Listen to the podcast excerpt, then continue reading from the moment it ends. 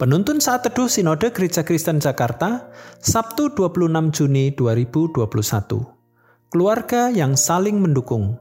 Kisah para Rasul pasal 18 ayat 1 sampai 4. Kemudian Paulus meninggalkan Athena lalu pergi ke Korintus.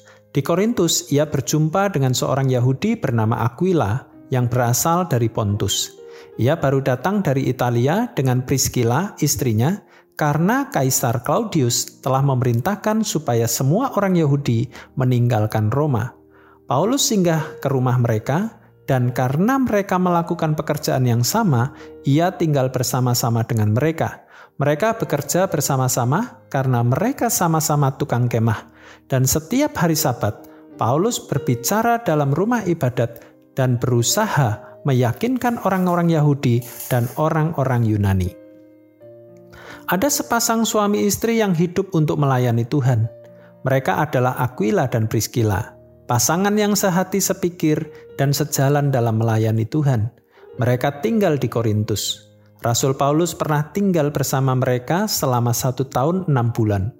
Mereka bahkan bekerja sama karena memiliki keterampilan yang sama, yaitu membuat kemah.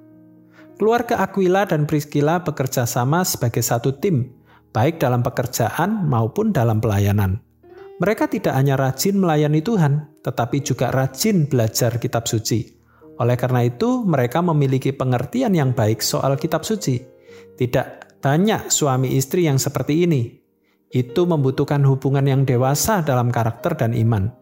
Hal ini terlihat dari kemajuan Aquila dan Priscilla mempelajari firman Allah melampaui seorang teolog dan pengkhotbah seperti Apolos.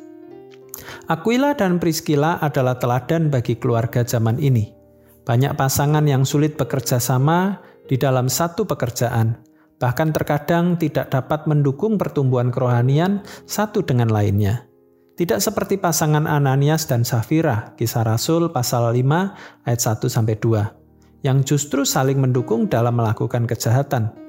Mereka menahan sebagian dari hasil penjualan sebidang tanah yang ingin diberikan kepada jemaat Tuhan mereka rebah seketika dan putus nyawanya ketika mencoba berbohong kepada Rasul Petrus. Sebagai keluarga Kristen, satu dengan lainnya harus saling mendukung dalam hal-hal yang memuliakan nama Tuhan. Dengan begitu, maka Tuhan akan memberkati keluarga tersebut. Usahakanlah terjalin hubungan kerjasama yang baik dalam keluarga untuk kemuliaan nama Tuhan. Tuhan Yesus memberkati.